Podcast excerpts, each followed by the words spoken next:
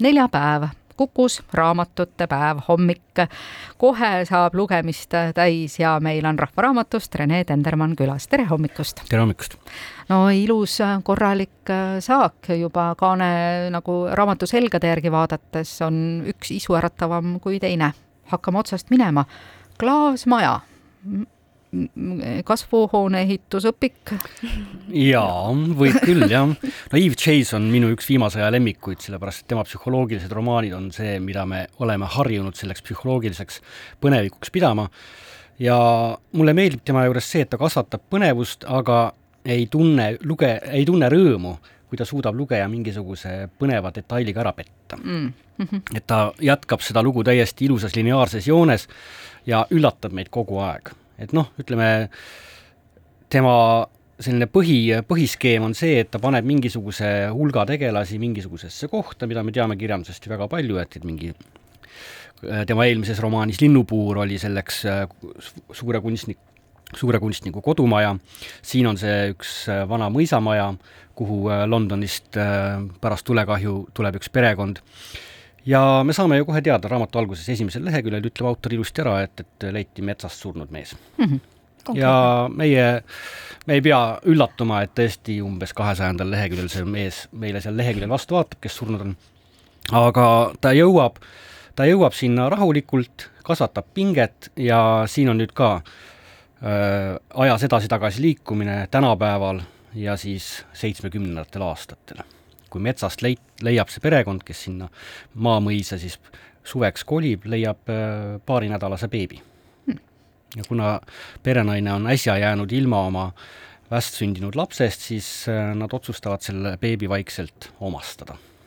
et ongi metsast leitud beebi ja no ütleme, et see on ju ka selline väga levinud süžeeliin, et äh, need haldja lapsekesed ikkagi ju niimoodi leitaksegi ah soo, me jõuame nüüd haldjalaste juurde. haldjat, haldjateni jõuame viimase raamatu juures oh, ma juba mõtlesin, kuidas see nüüd nii kähku käis, et ei, surnud mees on leitud beebi ja, ja kohe haldjad. aga jah, ma arvan, et psühholoogilise põneviku austajatele on see jälle tõeline maiuspala. et autor ei tee hinnaalandust lugejale, see on ka tänapäeval väga harv nähtus, aga just see põnevuse käik kogu aeg kruvib põnevust, kuigi me teame selle tulemust või tagajärge. aga see põnevus ei jäta ülestõusmist mm.. teine raamat on äh, Tuvitiivad ja ma saan aru, et see on päriselul põhinev? ta mingil määral põhineb päriselul, Henry Jamesi Tuvitiivad on üheksateistkümnenda sajandi olulisema kirjaniku Henry Jamesi äh, üks viimastest raamatutest hilisest perioodist ja üks Ameerika kirjanduse tähtteoseid ja selles mõttes ta on Eesti kirjanduselus ka väikene ikkagi sündmus, et sada kakskümmend üks aastat võttis aega, enne kui see raamat lõpuks eesti keeles ilmus mm. -hmm. Krista Kaer on selle suurepäraselt tõlkinud, ta ütles ka, et, et see ei olnud üldse mingi meelakkumine ja, ja selle tuvitiibade juures on see just, et et kui tänapäeval on kirjanikud läinud peamiselt süžee jutustajatena öö, siis äh, raamaturiiulitele, siis Henry Jamesi puhul me saame lugeda nauditavat keelt.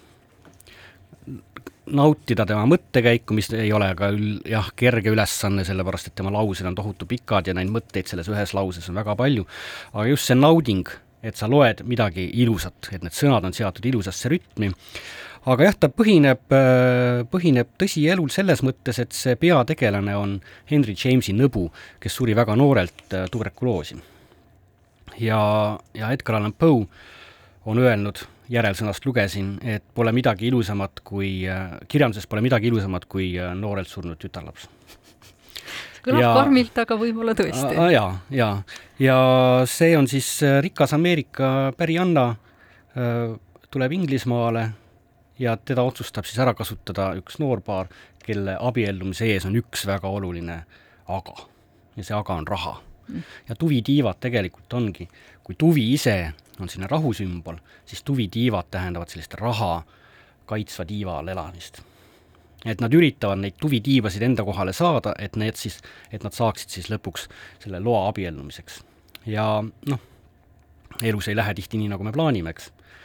et siin selle, ka selles raamatus on palju põnevust, ka selle raamatu puhul me teame juba alguses, et see tütarlaps sureb, aga kuidas see kurikaval plaan niimoodi ellu läheb, seda me saame siis raamatust lugeda.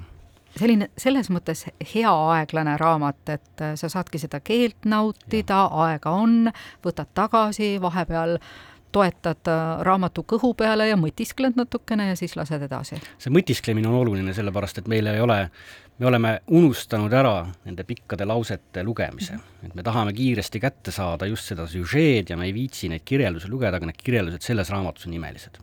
ja Henry James oskab ka oma tegelasi ilusaks, elusaks vormida nende sõnadega. et tõesti nauditav, nauditav raamat. ehk järgmine siis Hieronymose sarjast, need äh, väärtkirjandus, mis ei ole eesti keelde jõudnud ühel või teisel põhjusel, järk-järgult nad nüüd kõik ju tulevad äh, nende aastate jooksul, on see, see raamatu riiulirida päris pikaks juba kogunenud. ta on päris pikaks läinud ja kõigest paari aastaga, et teda mm, -hmm. see ei ole, see programm ei ole kaua kestnud, aga tõesti, see Tuvi tiivad nüüd on esi, üks esimesi raamatuid, mis minul käe riiulisse viis, et, et siiamaani selline päris varane kirjandusklassika ei ole mul huvi pakkunud. no näed, ots on lahti tehtud, ilmselt äh, saab veel sealt lisa.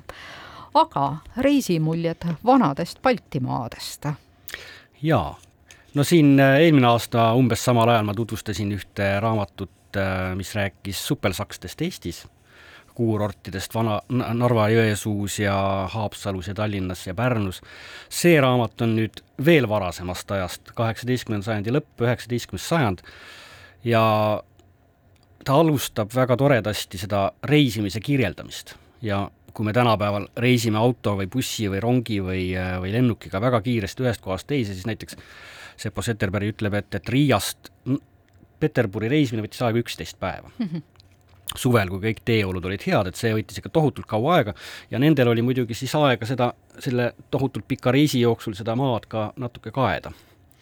milline see maa välja näeb ja väga palju on äh, võrdlusi siin nendel autoritel, eestlaste, liivlaste ja ja, ja lätlaste vahel siis ja ütleme, eestlane ikkagi on šokeeritud, mida ta siit loeb, et, et siin üks, üks sakslane ütleb, et äh, need paljad Eesti lapsed meenutasid talle elavat suitsusinki, sellepärast need olid nii mustad, nii mustad kui nõgi, eks. ja suurem osa eestlaste majadest olid sellised poolmädanenud õlgedest katustega hütid lätlaste väga kenade majade kõrval, et Ai, ei olnud, ei olnud kerge lugemine see, aga raamatu teises otsas läheb asi palju ilusamaks, kui hakatakse rääkima siis Pärnusse, Haapsallu ja Tallinnasse rajatud toredatest supelasutustest, kuhu, kuhu siis rikkad vene aadlid siia puhkama tulid, et siis läheb pilt palju kenamaks, aga, aga algus oli jah šokeeriv no meie lapsed olidki mustad sellepärast, et kõik supelasutused olid äh, rikkaid venelasi täis. ja sukela, supelasutused olid linnades jah, ja meie väikesed need äh, paljad suitsusingikesed jooksid maal ringi, eks. aga see on tõesti, tõesti väga tore, väga tore lugemine, me ei tea ju väga palju sellest, kuidas üheksateistkümnendal sajandil see maaelu ikkagi oli ja siin me saame täiesti otsesest allikast teada, mismoodi see, mismoodi see välja nägi see Eestimaa kakssada aastat tagasi. et soovitan kõigile lugeda, see supelasutuste, supelasutuste lugu on ka väga tore, aga see esimene pool sellest raamatust just, Eestimaast, reisimisest läbi selle Eestimaa on väga tore väga hea. nüüd me jõuame siis selle Haldja tüdruku loo juurde, tüdruk nimega Willow tüdruk nimega Willow on üks väga tore raamat, mida ma oleks tahtnud, et oleks ilmunud äh, väga kaua aega tagasi, kui mina olin selline üheteistaastane poisipõnn ja tahtsin lugeda toredaid raamatuid. Äh, lastel on ju see tähelepanu, see hajub ikka sekundiga, eks, et mm, -hmm. et raamatu, raamatu leheküljel pilku kinni hoida, seal on ainult üks variant ja need on pildid. ja selles raamatus on need pildid tõesti imeilusad. lugu on ka väga tore. Äh, isa ja tüdruk, üheteistaastane tüdruk lähevad, saavad päranduseks ühe maja metsaveerel ja lähevad sinna elama ja no ega tüdruk alguses väga õnnelik ei ole, sellepärast et mingi katkine maja, eks, üksinda, ilma sõpradeta, aga ta hakkab neid sõpru vaikselt leidma, esimene sõber on tal Rebane, kes teda metsa, metsaveerel tervitab ja viib ta ühe, ühe väga lagunenud majani metsa sees ja siis hakkavad asjad juhtuma, eks. aga tema jääb ikka ellu või? jaa lasteraamatutes, ma loodan, et kõik jäävad ellu ja kõik Rufus saavad. ka, rebane Rufus ka ma ei mäleta, kas selle rebase nimi oli Rufus aga rebane, rebane, rebasest äh, jah, on selles raamatus väga palju juttu mm. -hmm. ja ta leiab omale sõbrad sealt metsast, et, et see, mida minu lapsepõlves oli see, et lapsed saadeti suvel ikkagi vanavanemate juurde kuskile maale, eks ole, pärapõrgusse.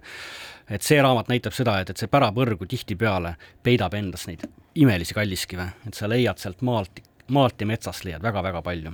rohkem, kui alguses paistab.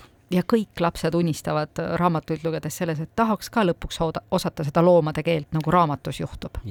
see oli suurim unistus, ma mäletan. jah aga see vist ei läinud täide kellelgi. mul kuidagi need sipelgad ei tahtnud ka vastata isegi, suurematest loomadest rääkimata selline tore valik, aitäh, Rene, neid raamatuid meile lugemast pakkumast ja kohtume peatselt taas! aitäh!